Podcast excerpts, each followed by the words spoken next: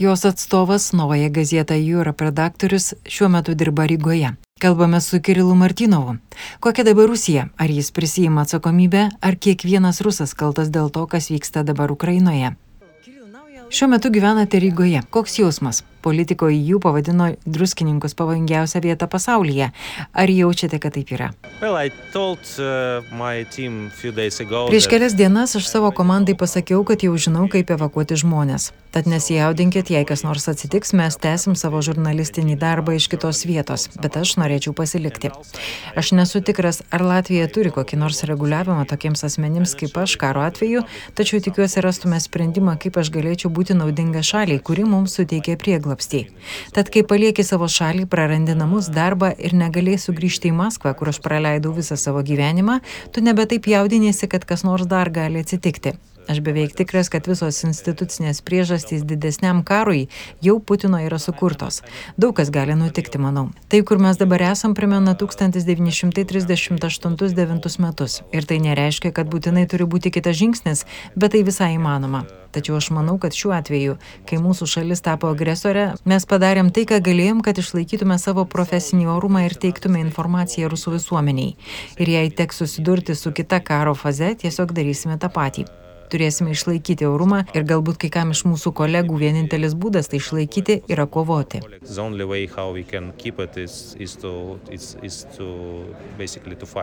Kaip jūs palikot Maskvą, kas nutiko ir kada pajutėt, kad dabar jau reikia išvykti? Of, uh, of uh, panic, uh,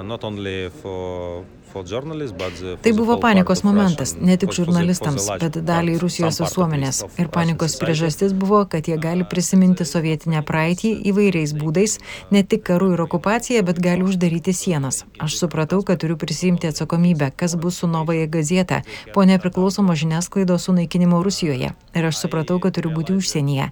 Tai nebuvo pragmatiška tuo metu likti Rusijoje po pirmų aštuonių karo dienų. Tad aš išvykau. Jie sukūrė tą garsų įstatymą dėl karo cenzūros cenzūros ir aš jau uždarinėjau laikraštį, bet visą laiką turėjau idėją ir siūliau kolegoms, kad mes vis tiek galim ir turim dirbti, nes Novaja Gazeta tai nėra kažkas, kas gali baigtis taip. Mes turime 30 metų laikraščio istoriją. Mes buvom seniausia nepriklausoma žiniasklaidos priemonė šalyje ir paskutinė, kuri išliko per šį karą iki kovo pabaigos. Tad manau, mes turime atsakomybę ir įsipareigojimus toliau tęsti darbą. Manau, galime tai daryti. So we have, I, I think that we have responsibility and obligations to continue publishing, and I think that we, we can do it. Kas jūs finansuoja, iš ko gyvenat? Pirmiausia, mes gavome finansavimą iš naujai uh, organizacijos reporteriai be sienų įkurto fondo. Manau, tai puikus žurnalistų solidarumo pavyzdys, nes žmonės, kurie bendradarbiauja rašydami tarptautinės istorijas ir tyrimus, jie supranta, kad tokia atveju, kai didelėje Europos dalyje žurnalistika tapo nusikaltimu, jie turi padėti kolegoms. Tai buvo labai geras dalykas mums. Mes gavome paramą, perkelime žmonės šiomis lėšomis ir dabar stengiamės daugiau mažiau išsilaikyti. Žinoma, vis dar priklausome priklausome nuo donorų, tačiau pradėjome crowdfundingą. Tai buvo mums gana sėkminga Rusijoje ir dabar bandome atstatyti tai naujomis sąlygomis. Prašome žmonių Rusijoje ir su rusiškomis banko sąskaitomis aukoti pinigus Novoje gazetą Maskvoje, jei jiems patinka tai, ką mes čia darome. Prašome ir žmonių Europoje mums aukoti. Ir dar smagi istorija. Mes sukūrėme Šveicarijoje Novoje gazetą draugų Europoje asociaciją. Ir jau turime apie 80-90 narių, nes vokiečiams patinka asociacijos bei dalyvavimas vis visuomeninėje veikloje.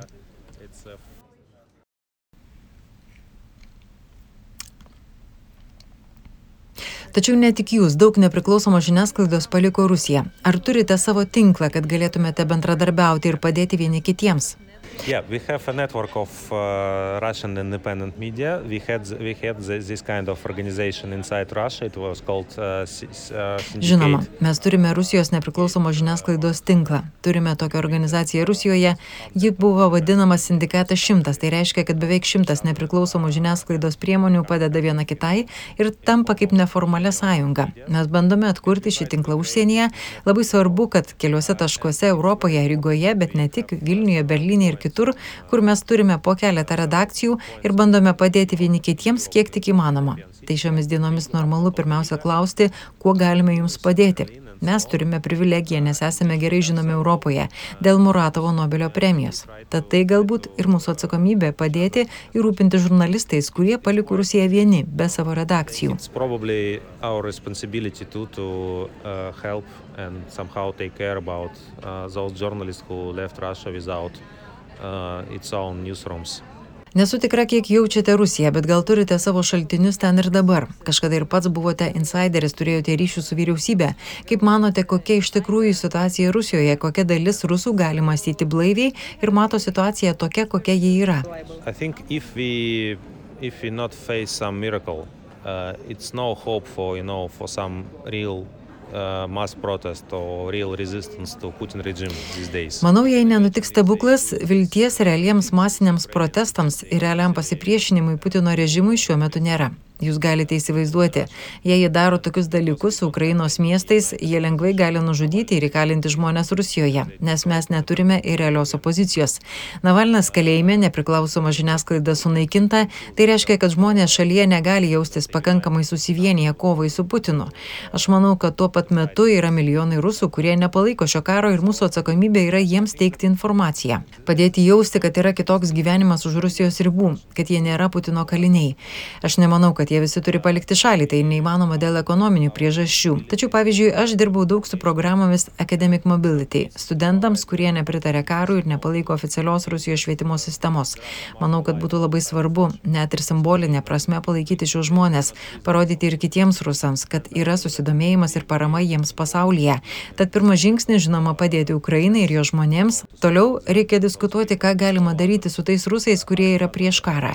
Ir jaučiu, kad mums čia reikia simbolinių veiksmų veiksmų, tikros geros valios, ne tokios, kaip jis suprantama Putinui. And I feel like we, we need some, some symbolic actions here. It's uh, just, just uh, it's a matter of real goodwill, not, not those goodwill like Putin understand. Minėjote Navalną. Kaip manote, kokios jo galimybės išgyventi ir tapti lyderiu ir jei tai nutiks, kaip bus toliau? Jis, pavyzdžiui, sako, kad Krymas yra Rusija tikrai yra abejonių dėl jo tinkamumo. Ar jis tikrai tas lyderis? I think that people can change. Uh, and uh, I think that Navalny now is not the same person like uh, five or ten years ago.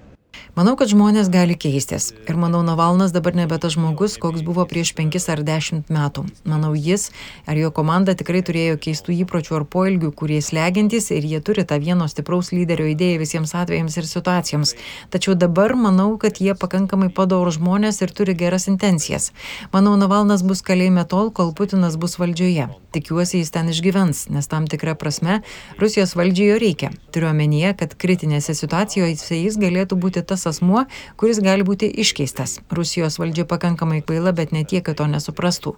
Ir vis dar turime galimybę atsidurti situacijoje, kaip nutiko su arabų pavasariu prieš daugiau nei dešimtmetį, kai koks nors įvykis kaip Tunise pradeda neramumus ir maištą visame regione.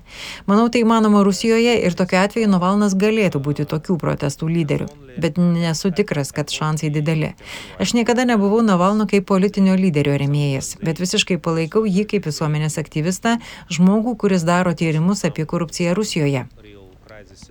Ir žinoma, visiškai palaikau kaip politinį kalinį. Manau, būtų protingas sprendimas Europai palaikyti Navalną. Apskritai aš manau, kad Rusijos federacija, jeigu ji išliks, mums daugiau nereikia jokio prezidento. Mums nereikia vieno žmogaus lyderio, kuris būtų stiprus ir vienijantis. Mums reikia normalios parlamentinės respublikos. Tai būtų geriausias sprendimas, nors gal ir nerealus.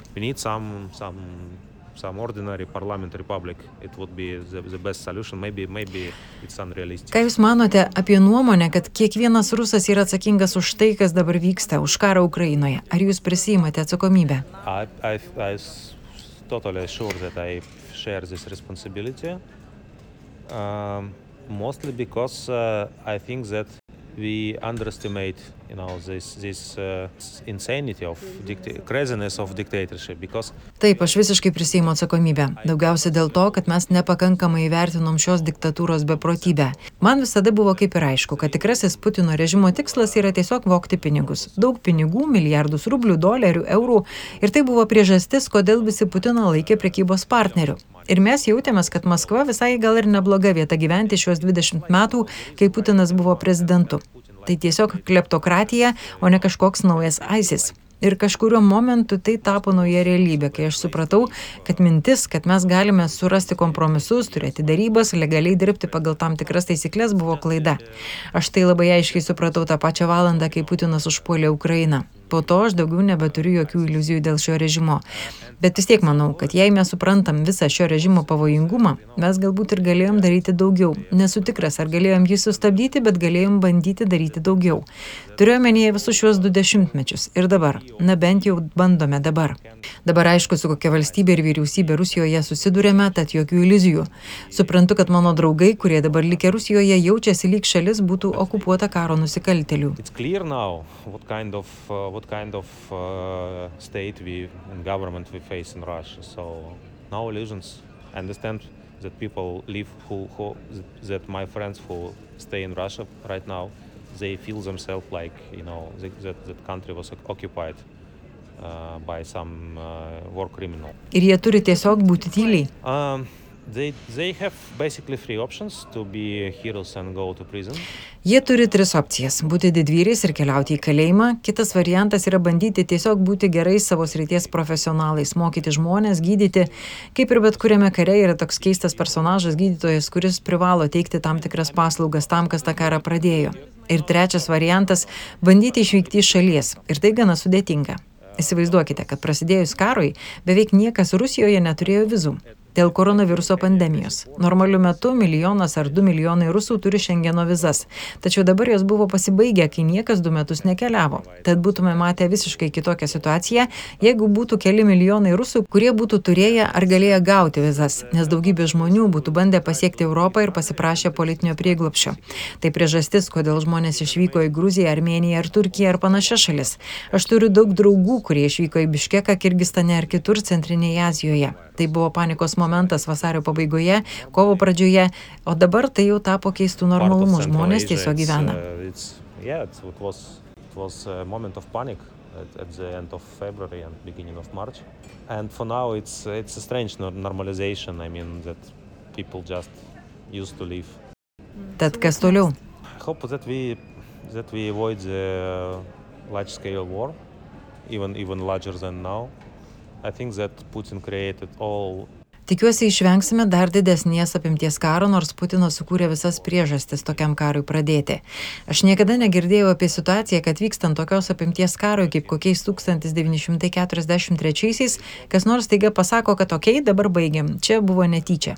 Tad manau, kad jis jau sukūrė ir mes leidom jiems sukurti visas priežastis karui plėstis. Ir manau tikrai bus stebuklas, jei to išvengsime. Galbūt to kaina galėtų būti arba karinis Putino pralaimėjimas ir galbūt dalies Rusijos okupacija ir kita galimybė, kad Rusija bus izoliuota ir skurdi šalis metų metais, dešimtmečiais ir aš asmeniškai nematau gerų variantų. Būtų gerai, kad neprasidėtų didesnis karas, kad šis kažkaip baigtųsi ir žmonės nustotų mirti, tačiau nematau jokios šviesios ateities Rusijai ir vis dar jaučiu didžiulę atsakomybę už tos žmonės, pavyzdžiui, mano buvusius studentus, kurie dabar Rusijoje.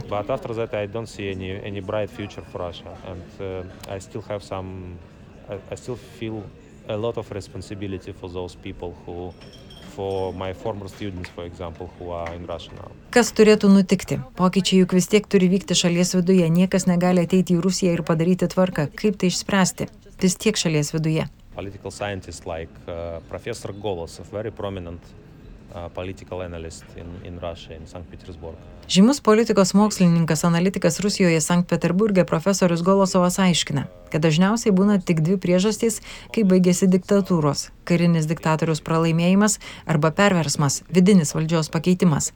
Vis dar turime šias abi opcijas, bet niekas negali garantuoti, kad tai nutiks artimiausiais mėnesiais ar metais. Ir aš nemanau, kad žmonės yra bejėgiai šioje situacijoje. Manau, bus daug kovos prieš šį karą, tačiau nematau daug šansų, kad tai taps kažkuo daugiau nei maži protestai ar individualūs didvyriai, kurie protestuos. Some minor protest and some, some uh, heroic individuals who, who protest this. Su Kirilu Martinovu Novoje Gazeta Europe redaktoriumi kalbėjome Europos parlamente Strasbūre. Čia jis lankėsi kaip žurnalistas. Novoje Gazeta prasidėjus karui persikėlė dirbti į Rygą. Kirilą Martinovą radijos stočiai FM99 kalbino Vilija Kvedaraitė.